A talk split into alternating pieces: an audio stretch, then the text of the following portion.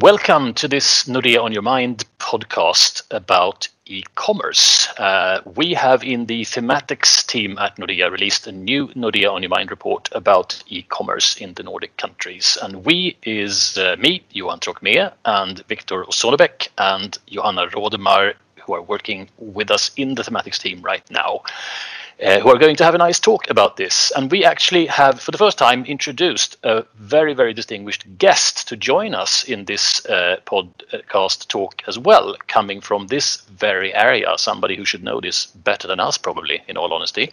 So, welcome, Adam Schatz, CEO of uh, home improvement retailer BHG Group. Thank you, Johan. Wonderful to have you with us for this talk, and it, it feels like an ideal guest to have given the topic that we have written about in, in this report. Um, and I thought uh, a good place to start uh, for our talk about what's happening since we have a very, very eventful year behind us in 2020, which was pretty characterized by the global COVID 19 pandemic. Why don't you just say a few words about the company and, and, and your role and, and, and your background? Sure, Johan. Uh, thanks, first of all, for inviting me. It's, it's an honor. I look forward to the conversation. So, a little bit about BHG Group. Uh, we're the largest online consumer retailer in the Nordics, but we also have a growing presence outside the Nordic region. We serve our customers through two operating segments, DIY and home furnishing, which together comprise the home improvement market. And the home improvement market, in turn, is a very large market which still has, we're convinced, significant online penetration runway. We're listed on the Stockholm Stock Exchange since March 2018 and as of this year, I'm pr proud to say that we've made it onto the large cap segment. Of course, in my view, many things are special about BHG, but a couple of things I'll just share with you here. One is our operating model, which combines st central strategy definition with a decentralized execution. And one of my challenges as CEO is to continue building and reinforcing the group as we grow while staying true to this DNA. So sometimes that means backing off and allowing our unit CEOs the space to be what I sometimes call the head chefs in their own kitchens. And the second thing that I wanted to share uh, with you today, which I think makes us uh, a bit special and a little different from most other e commerce players, is that we combine organic initiatives with acquisitions.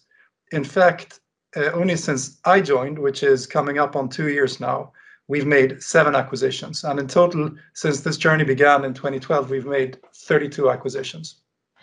So, a little bit about myself. Um, again, I've been here two years now. I joined as group CFO, and uh, I've, I've now been in the CEO role for a year.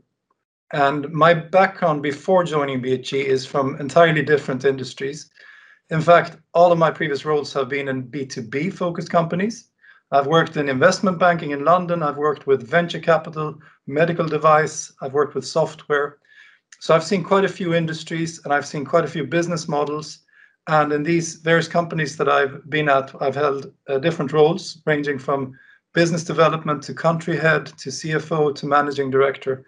And I believe that my experiences outside of e commerce are a good complement to my many colleagues who have very deep roots in B2C and of course in e-commerce in particular. And I've, th- I think I've picked up a, a, thing or two since I joined as well. It, has been quite a journey to say the least for both the company and for you. It, it sounds yes. like, and, and I'm just thinking out of, out of curiosity, do, do you want to share just if you think of something, you know, straight off your cuff, something unexpected about you if you have any bizarre hobby or any interest we wouldn't have guessed or anything like that just to get mm-hmm. to know you a little bit great thank you good question Johan I, will give you uh, three for the price of one if you bear ah. with me. Uh, I don't know if any one of them are bizarre, but you'll be the judge of that. Um, so, firstly, I love to play the guitar, and I actually write quite a lot of songs, uh, and I record these songs in my home studio. It's a wonderful hobby. Whatever people may think about the quality of my music, and I don't have many uh, fans, I can tell you, uh, the process of creation really is a kick to me.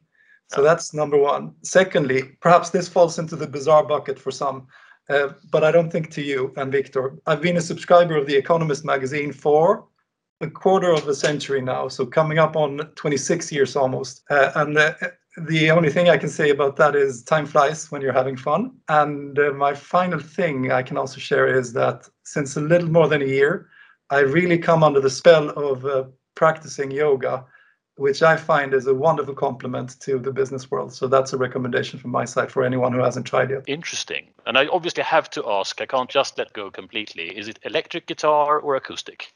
It is both. Ah, okay. Mm-hmm.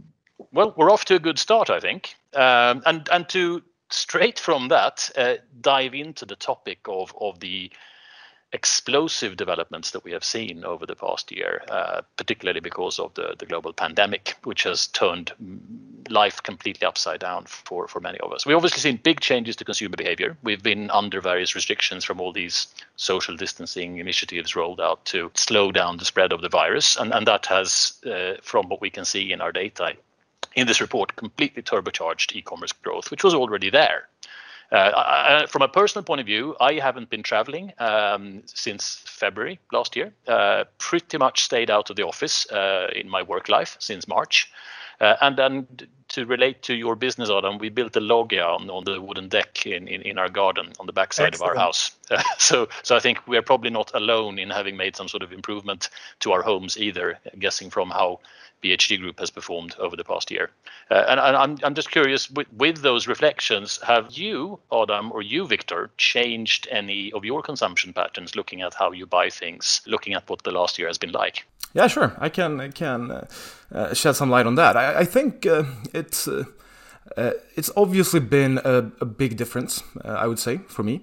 and if if we talk about you know offline versus online retail, I would say that probably almost 100%, if not 100%, of my my kind of normal retailing, so buying clothes, for example, or shoes or electronics, uh, have been moved uh, to the online platform. So, so virtually everything I've purchased during the year uh, has been has been uh, via websites and, and, and home delivery.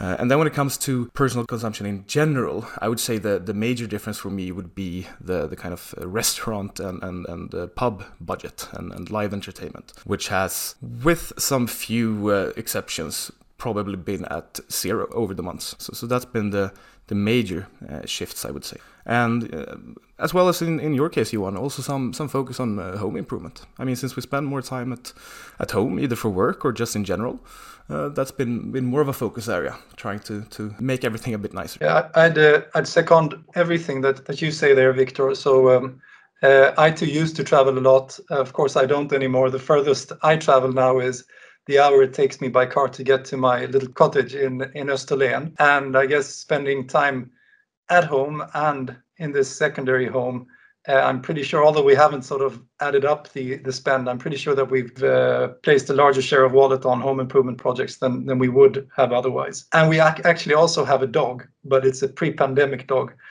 so it's not, a, it's not a corona pet. Uh, it's not a corona induced uh, uh, pet purchase. No, exactly. Well, there have been quite a few of those. Uh, I, I, mean, just in our street, we, we've had two dogs added, I think, during the past year. So, so percentage-wise, it's it's an explosive growth. But that's interesting, Adam, as a private consumer. But then looking at it from the BHG Group point of view, I, I guess we're very curious to hear your take on uh, what last year has done to the business, because there's there's on the one hand the already structural growth trend for mm. e-commerce which was there and then there is the whole covid-19 situation which has accelerated consumer migration from stores physical stores to online but then there is also the situation we have all been in, um, in, in spending more time at home, which I guess makes it natural for many of us to turn to BHG for various things we do. How would you describe the journey over the past year? Yeah, that, that's exactly right. When when we started understanding, I guess uh, when everyone started understanding that this was this was a global pandemic,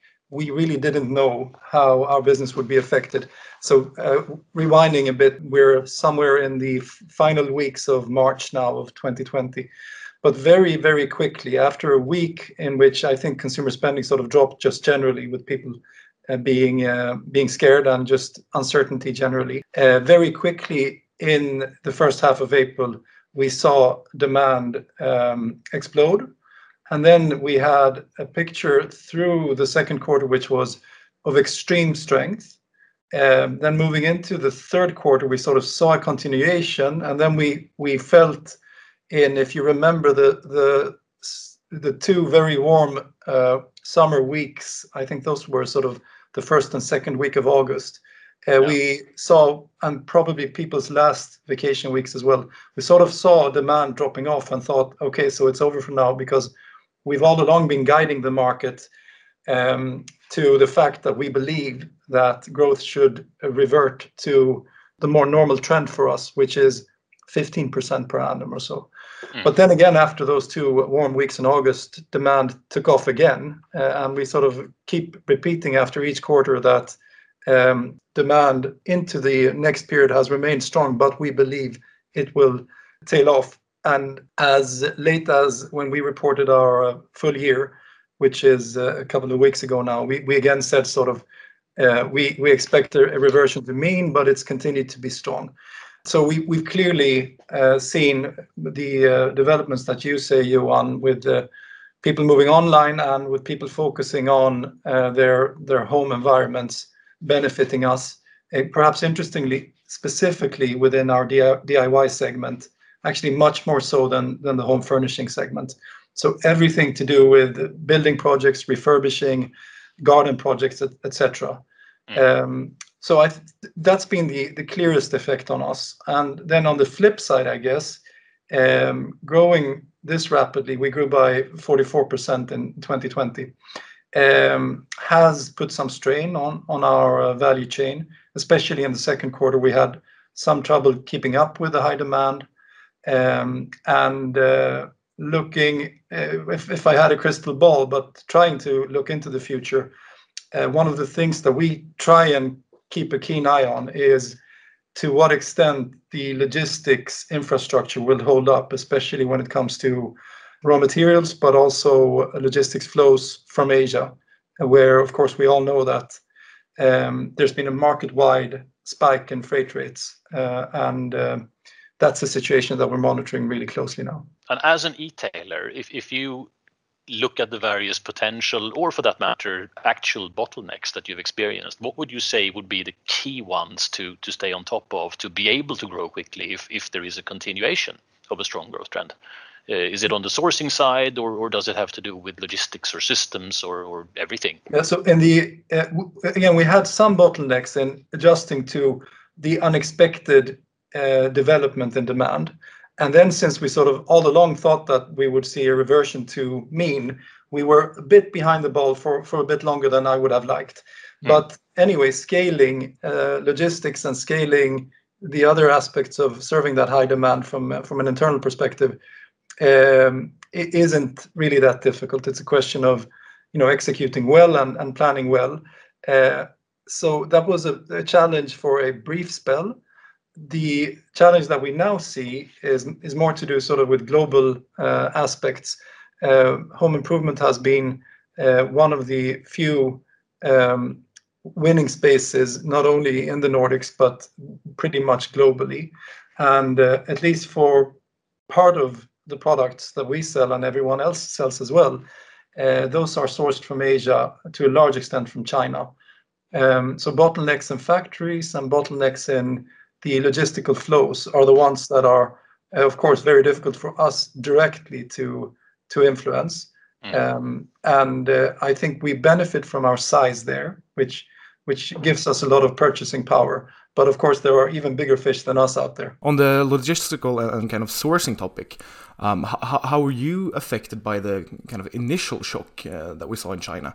Because when we first uh, looked at this topic and, and wrote an analysis, uh, one of the key things that we highlighted was a sudden and very severe, uh, both import but, but primarily export uh, drop in, in, terms of uh, shipping goods from Asia to, to Europe, for example. Uh, were you notably affected by that, or, or how, how, how did that look? Yes, definitely. So even before we or anyone realized that this was an unstoppable pandemic, so we sort of saw it still as as a as as something that was uh, affecting China. Uh, the one week traditional uh, shutdown in China around the new year ended up being three weeks, and then, of course, much longer for some of the badly affected mm. parts of China. Uh, luckily, uh, we didn't have uh, any material sourcing from the worst hit areas that were that were shut down for much longer, like like the the, the area surrounding Wuhan. So the impact for us was just the prolongation of the Chinese New Year, which led to some delays in in basically uh, meeting demand. But but it wasn't it was certainly wasn't existential in any way for us. It was sort of a minor headache for a brief period of time. And then for the kind of obvious question I'm going to ask Adam, according to what you have seen and and and, and from how you know the business uh, you've now been been involved with for the past couple of years. Do you think we should expect consumer behavior changes to be lasting or permanent, or, or do you think this is something that's going to go back to exactly the way it was? I believe by and large the answer is yes, and I, I have a little caveat which I can come back to there. But by and large, yes. Even in the long run, most consumer categories will also have an offline component. I, you know, I think that's a given. Uh, but at the same time, to me, equally given, for the vast majority of these categories, I don't think that we're anywhere close to online saturation. Uh, and what the pandemic has done uh, is uh, that it hasn't, I think, fundamentally changed where we were headed, but trends have been accelerated, trends that were already underway. And I guess you know this. I'm probably parroting this from from someone else, but you know this this thing about the future having been pulled forward. I really think that's by and large the case. My little caveat is for the markets that had significant lockdowns, which led to what we call offline and being truly offline, me- meaning people couldn't actually shop offline because those stores were closed. There could have been an element of sort of forced online uh, conversion, uh, some of which may revert back when uh, societies open up again. But in the Nordics, as you know, we haven't had any severe lockdowns that have meant that people haven't been able to choose the offline alternatives, with the exception being a few weeks in Denmark, sometime back in, I don't know, May, and again now in Denmark since um, the 25th of December through uh, now the 28th of February, what is what the government has announced there. The, on the topic of uh, you know lasting behavioral changes and the development that we've seen, uh, another part of uh, of retail that we've written about in this report um, is the the food retail uh, space. And I think b- before we dive down into the kind of nitty gritty of our results in, in the report, I just want to ask you, uh, Johan, and you, uh, uh, Adam, how how has your uh, purchases and consumption of of food uh, been conducted, or how have you shopped for groceries during the year? Have you moved some of it online, or have you continued to to uh, shop for groceries in stores? If, if I kick it off, we we live in an apartment on the fourth floor. So having groceries delivered to our doorstep through the online offerings now is a very strong selling point. I, I guess I should say fourth floor with no elevator. so, uh, so that's a great selling point. And although it, I, I keep sort of feeling that the prices are too high, it's still, you know, it's irresistible to to go for that anyway. But I still prefer to buy some groceries offline, um, especially when it comes to like perishables, fruit and vegetables and, and the like. I keep getting disappointed whenever I include these in my online basket. And I think this is here's an, a business opportunity for, for an entrepreneur. There has to be a way, I think, of certifying and securing the quality also for those categories. But I haven't found an offering that I like yet anyway. So for me, the perfect mix is to do most of the purchases online, but then to to nip downtown and, and buy my fruits fruits and vegetables and perhaps fish, etc., in person instead. From from my side, Victor, we uh, are partially using online shopping for groceries uh, in that we uh, buy uh, one of these uh, meal pre-packaged meal uh, offerings uh, where we get uh, four dinners a week, uh, which is home delivered. Uh, so it's not everything that we buy, but but for the uh, the evening meals, four days a week, we we get that uh, delivered. It's not really so much a convenience thing since we have to go to the store and buy all the rest of the stuff on a weekly basis. But it's it's in our case mainly because we desperately needed some variation for for our evening meals, and and, and this was an extremely convenient way of of getting it. we are very much in the process of trying to start up a, a planned and reasonable way of getting home delivery for the rest of the weekly food shopping as well. It's more a matter of the ability to plan ahead in our household that has kind of held us back. I think for for, for me, I can pretty much echo exactly what uh, what Adam said there, with the exception being uh, the third floor without an elevator instead of the fourth floor. so it's it's pretty much the similar similar experience, and I mean the convenience of, of getting the home delivery to the third floor without an elevator. That's of course uh, quite nice. Um, so yeah, speaking of of food retail, uh, of course we have some some interesting figures to share. Um, and I think we're going to keep this kind of high level, just going into the, the kind of main conclusions. And what we highlight in this report is something that we wrote about in our previous uh, e commerce uh, related report from uh, 2019. Uh, where we wrote about food retail in the Nordics, uh, and in that report argued that it was an uh, underpenetrated area where a lot of the or, or where a vast minority of shopping uh, was conducted online. Um, we're talking about perhaps between 1.5 to 2 percent of total grocery sales uh, that were via online channels, and uh, as is the case with, with uh, us three here, um, we see the same kind of pattern in the data, where the kind of adoption of online food retail has uh, has grown uh, explosively, you could say, throughout the Nordics. So in the Nordics, we've moved from around, let's say, a two percent share of grocery retail uh, being online to about a four uh, percent share, and still it remains at a low level. But going from 2% to 4%, I mean, that, that's between 50% and 100% growth in each of the Nordic countries. That's, that's of course, a staggering uh, market increase for the, the online channels. And on, on that topic, it's it's obviously a key question uh, how far online penetration of retail sales could go. We've seen this acceleration because of this turbulent 2020 with the pandemic uh, very much characterizing what consumers could do and what consumers well were able to wanted to do. Uh, I'm, I'm, I'm just reflecting back. Uh, the last work trip I did was in February, as I mentioned. That's the last time I traveled abroad. Uh, that was to Norway. But the last private trip I did was with my family. A quick visit to London uh, in January last year. We uh, we rented uh, a flat in London where we stayed, and then we actually ended up ordering takeaway food to the flat most of the nights that we were there, and it really worked. I was blown away by how well it worked. The the the the, the options available were immense, and and delivery was rocket fast. It, it really was extremely well developed. And that ties pretty well to an exercise we did in our previous e-commerce Nordea on your mind report back in 2019, where we looked at the development in the UK, how quickly the online share of retail had grown over the years, and then we compared it with the Nordic region. And looking at the data available at the time, we found that the Nordic region was lagging the UK in online penetration for the retail industry by about four years. Now, the, the really cool thing about our new Nordea on your mind report about e-commerce regarding data is that this time we have found a new data source. We've looked at aggregated and anonymized card transaction data, card purchase data for Nordea's 10 million customers in the Nordic region. And since we are 27 million people here in the Nordics and 10 million of them are actually Nordea customers, it becomes a pretty good proxy for consumer spending in the Nordics.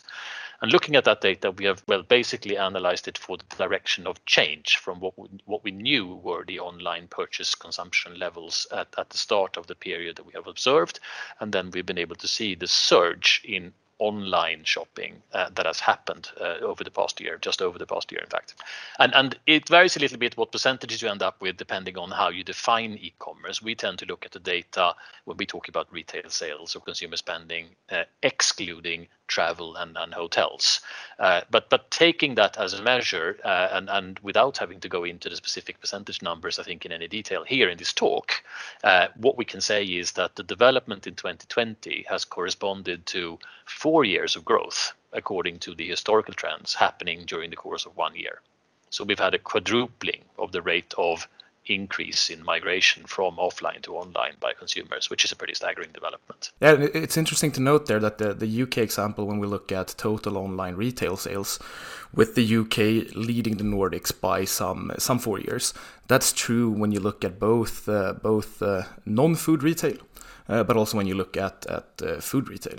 Uh, and as Johan mentioned, what we've seen, uh, the development that we've seen during the year um, compared to the kind of pre-COVID trend in the Nordics, um, it's a staggering growth, uh, and it's a staggering growth in the way that um, it's kind of moved up the timeline by about four years.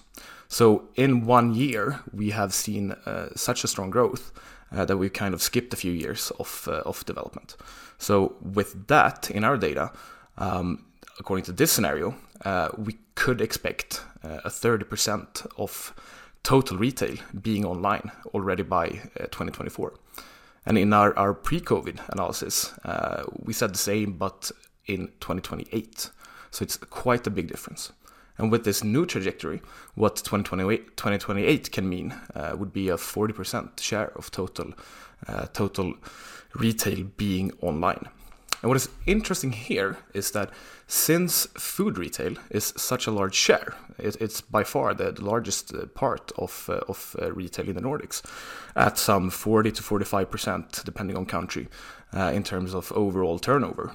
Um, with food retail growing as fast as it, as it uh, did during 2020 and continues to grow, it will help speed up this transition or help speed up this online share of, uh, of total retail. So I guess in in, in uh, one of the key questions could be here, uh, going back to the kind of behavioral aspect. Will people revert back to kind of the normal trend? Will we see see a reversion back to normal growth levels? And as an argument for for why we would not, if we look specifically in the food retail space, um, we can look at one of the one of the uh, top countries in the world when it comes to online food retail, which is South Korea. And South Korea has an online retail, uh, online food retail uh, of around I don't remember the exact figure, but I think it's close to 15% or somewhere along those lines. And looking back in history and asking ourselves the question, why has it grown so so massively in South Korea? Uh, the key answer that we uh, identify is the, the MERS outbreak. So, so the, the virus MERS that broke out in South Korea in 2015. And I mean, there are some, some obvious parallels to, to the 2015 South Korea with uh, what is happening right now in, in the world. Uh, and what we saw happening there is that it sped up the transition from offline grocery shopping to online grocery shopping but even after they had uh, had MERS under control, and, and that was just a part of history, this higher growth rate uh, continued. So, so they saw a permanent structural shift in that people were buying uh, food more online and doing so at, uh, at an increasing pace. So I guess going back to to kind of overall retail, but specifically since we have you here, Adam, going back to the uh, home improvement uh, segment of retail. Uh, what is your view uh, on, on, on this uh, sector, this area, and, and how high do you think it could go? I, I, know you mentioned earlier that you think online retail is far from being saturated. And is that the case in, in the home improvement space as well? Very much so. Uh, but just, just first, a few thoughts from my side on uh, the unfortunate lack of data. Uh, we all love data. And when it comes to the markets that we serve, and, and I understand now from, from you, Johan and Victor, online more generally, that, there aren't many sort of readily available um, data sources. And the card transaction data, I think, is fascinating, and I've actually started looking at that myself as, as often as I, as you, you and my contact at Nordea shares this data with me. It's sort of the first thing I do when I get a chance is to look at that, just because it's it's very timely, and I think it uh, paints a very interesting and relevant picture. The other data source that I think is relevant as well uh, with the uh, habits that consumers in, the Nordics have when it comes to online is Google data, which we also use sort of to keep our finger on the pulse of what is happening uh, on a weekly basis, basically looking at search trends and click trends, etc. And so with uh, the th that being sort of a fact that having objective data in, in our space is, is a bit tricky, what we do is that we we ourselves try and follow these various data sources and uh, last year, um, in sort of August timeframe, we did a slightly larger market analysis together with an external party as well, who helped us trawl through various uh, statistics agencies, et cetera. And uh, we updated our estimate of the total uh, addressable market, so offline and online combined, for home improvement in the Nordics. And we came up with the categories that we play in. Offline and online combined is something like 300 billion SEK per annum. Uh, so it's a really large consumer category. I think it's the, probably the third largest after food and uh, fashion. And uh, the online penetration is lower than it is for many other categories, including fashion, but also, of course, electronics and books, etc. Now, our estimate is, and it may be a little dated because it's August estimate and things have been moving quickly, but it's somewhere like 13%, perhaps north of 13% online penetrated. Um, so I think the the picture is for home improvement in the Nordics is similar to other categories in that we lag the U.K. and we lag the U.S. and Germany, but also um, home improvement is less penetrated than other consumer categories, many other at least, in the Nordics. Um, and for us, as the online leader in home improvement, uh, we try to do our bit to uh, reduce the barriers for shopping our categories online so that we can convert customers from offline to online. Um, and my my best estimate is that for a pure online offering, I believe that penetration should be able to go from this, say, 13%-14% to something like 30% over the next period of time, without specifying that too clearly. Um, but I think that beyond 30% will require something like an online-first approach, but augmented with physical infrastructure. So coming from a lower level than the average or the total for online retail, you should be able to get up to what we think is gonna be the new level for the total within three, four years. Um, and and then perhaps a potential to go further, but requiring something extra to to push the penetration even higher. Yeah, with the only difference there, you want. otherwise I agree, but probably for home improvement to reach 30% will take longer than three, four years. Right. Um, perhaps, I don't know, seven, you know, but but longer. Yeah. And just to give us some idea, Adam, in in in in the differences here, I mean, looking at, first of all, the fact that home improvement is is starting at a lower level than where the total is, although it's certainly a lot higher than it is for food uh, today. Mm. Uh, but but looking at what would be a sort of key breakthrough, what might be a real game changer to to make a big step up in that penetration, to make consumers really start migrating faster, take a big leap?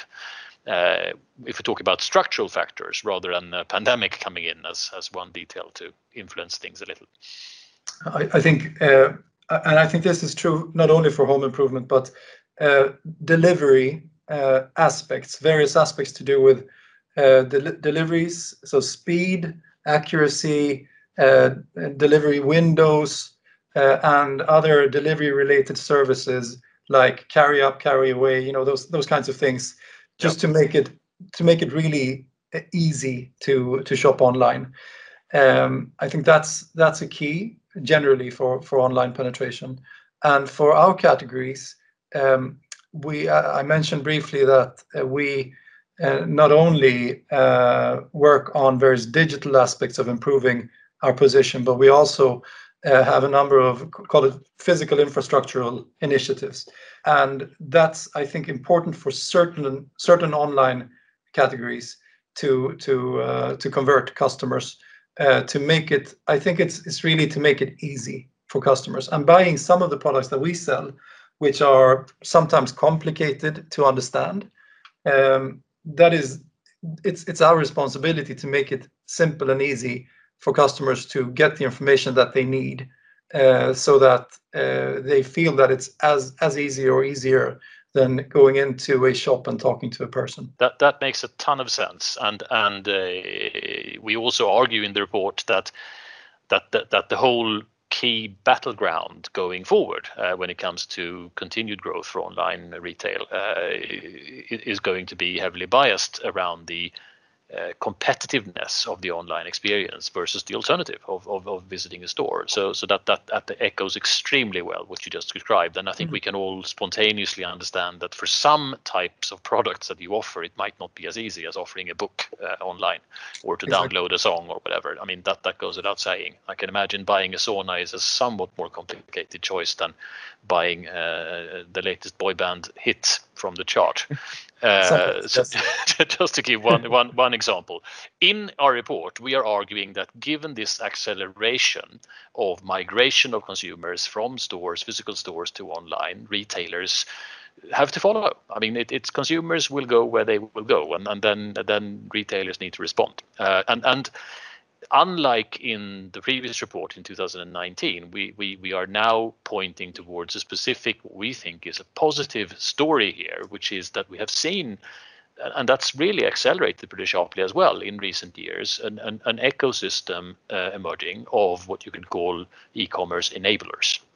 And we're highlighting a few of them in the report as well. And, and, and, and that's particularly interesting given what you said, Adam, about the, the, the consumer experience, the user experience here for, for online Uh, retail, where, where the fulfillment part is, is a key factor in the customer experience. If we have ordered something and, and we take delivery of it, the whole feeling of how well it worked must be a good one in order for us to rather do that than say next time go visit the store and get it done in the traditional way. And and what I was curious was if you wanted to describe a little bit to us for BHG how you work with the various aspects of, of, of the value chain. Uh, I'm thinking now of fulfillment here, um, and and uh, you, you can look at the separate parts of it, like the, the, the front end, the, the the interface to the consumer when they browse and when they click and shop, the payment side and, and the whole logistical side, both in procurement, getting stuff to have available to sell, and, and then delivering it out to, to the end customers. Because I know from earlier talks we've had that you're not doing everything yourselves, right? And you're not necessarily developing everything in house either. No, no, that's right. We we focus our own efforts on uh, select areas, and then we work very closely with partners in, in other areas. Um, but just taking a brief step back, uh, our mission is we make living easy. I think that uh, really links to the discussion we're having now. Um, and uh, if we can make living easy um, through our offering, then we will also be successful in uh, converting uh, offline shoppers to online. And we try and move in the direction of this mission of making living easy for our, our uh, customers by combining uh, various digital aspects of our value chain with, as I've already mentioned, call it real life infrastructure. And if, if we take the areas that you mentioned, Johan, starting with the front end, I mean, pretty obvious, it has to be fast and it has to be beautiful. Customers need to be able to find what they are looking for, despite, in, our case, the vast assortment that we carry. Uh, and it needs to be smooth and inspiring. We've also chosen, in contrast to many other e-commerce players, to have a multi-brand approach for our front-end presence. So BHG includes brands such as bygghemma.se, trademax.se, nordicnest.se, and actually another 20 or so brands. And through this approach, uh, we allow our customers to meet us uh, in a venue that they feel comfortable in, but also importantly, having that footprint helps us maximize our digital presence. Um, and one of the um, uh, numbers that we put out in conjunction with our full year report was that we had over 300 million visits to our various brands last year. So that's that's a big headline number.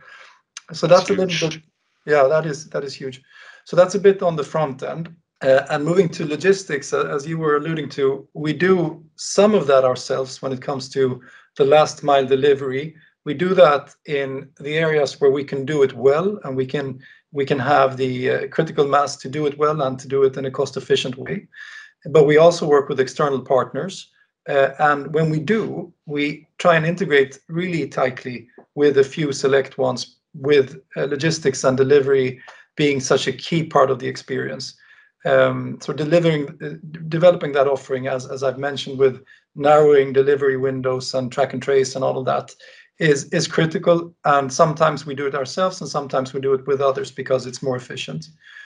Uh, it, a key question also for us is what do we hold in inventory and, and what do we what do we not hold in inventory? And um, we hold a higher degree of inventory stock keeping today than we did some two years ago uh, for various reasons but including uh, fast delivery times being increasingly important. So that's a little bit on logistics. But I think importantly, there are other uh, infrastructure linked aspects that are key to us. Uh, with our business model and the categories that we serve, uh, we have 80 showrooms throughout the Nordics where customers can uh, uh, look at our products and talk to product experts and sit in sofas and try out beds, etc. We think that's a very important complement to our digital presence. We also develop services uh, that go uh, well together with the product purchases. And the clearest example there is uh, installation services that we offer within the DIY segment. So our customers can find the product they're interested in online and buy it, and at the same time, at a fixed price, add the installation service to the product purchase. And that's, I think, a good example of us doing our bit to make living easy. And then, uh, payments, we don't handle ourselves today. I think we're sort of big enough such that we could, but we don't. We integrate tightly with um, with a few external partners there. Um, and in summary, I'd say just that the total approach, we call it our ecosystem. It, again, combines all things digital with select physical add-ons, which bolster the digital offering. I think Jack Ma of Alibaba, the way he he talks about the future, um, is he doesn't think that the future is is online only. I think he has a concept that he calls uh, new retail, I think, where sort of you have an online-first approach, but you also do whatever makes sense in the physical world. And And I think um, I think he's a very smart person. Would would have to agree there, Adam. Let's just hope that uh, he he will have some maneuvering room to be that- Yes... and to continue to evolve rather than the Politburo changing the direction of where- Indeed... the development will head. Um, I guess Jack probably has somewhat uh, more of a good feeling for what is appropriate than the Politburo in that case. Mm. Um, time will tell. It's been a pleasure. Uh, what a great talk we've had. Thank you so very much for joining us in this podcast, Adam. Uh, it's been enlightening.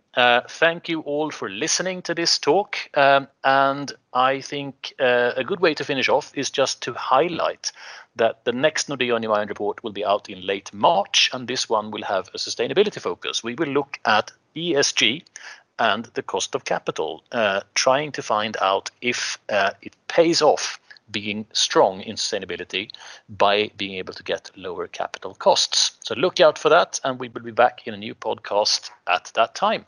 Thank you and goodbye.